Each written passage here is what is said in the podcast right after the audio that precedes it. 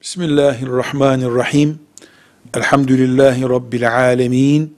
Ve sallallahu ve sellem ala seyyidina Muhammedin ve ala alihi ve sahbihi ecma'in.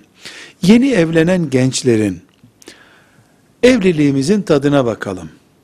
Veya filan endişemi ben gideremedim bu evlilikteki gibi bir gerekçeyle. Kadının hamile kalmasını helal bir yöntemle engellemelerinde dinen bir sakınca yoktur. Ama yöntem helal olmalıdır. E, bu nasıl helal olmalıdır? Yani ilaç kullanma, e, erkeğin geri çekilmesi şeklinde olabilir. Bünyeye kalıcı bir müdahale, bir bağlama yaptırma veya organ imhası gibi bir şekilde olursa haram olur.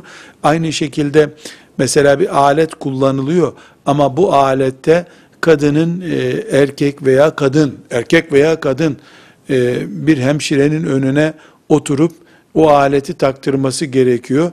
Ağır avret bölgesi tıbbi bir gerekçeyle olmadıkça doktora da açılamaz. Bu helal bir yöntem olmaz.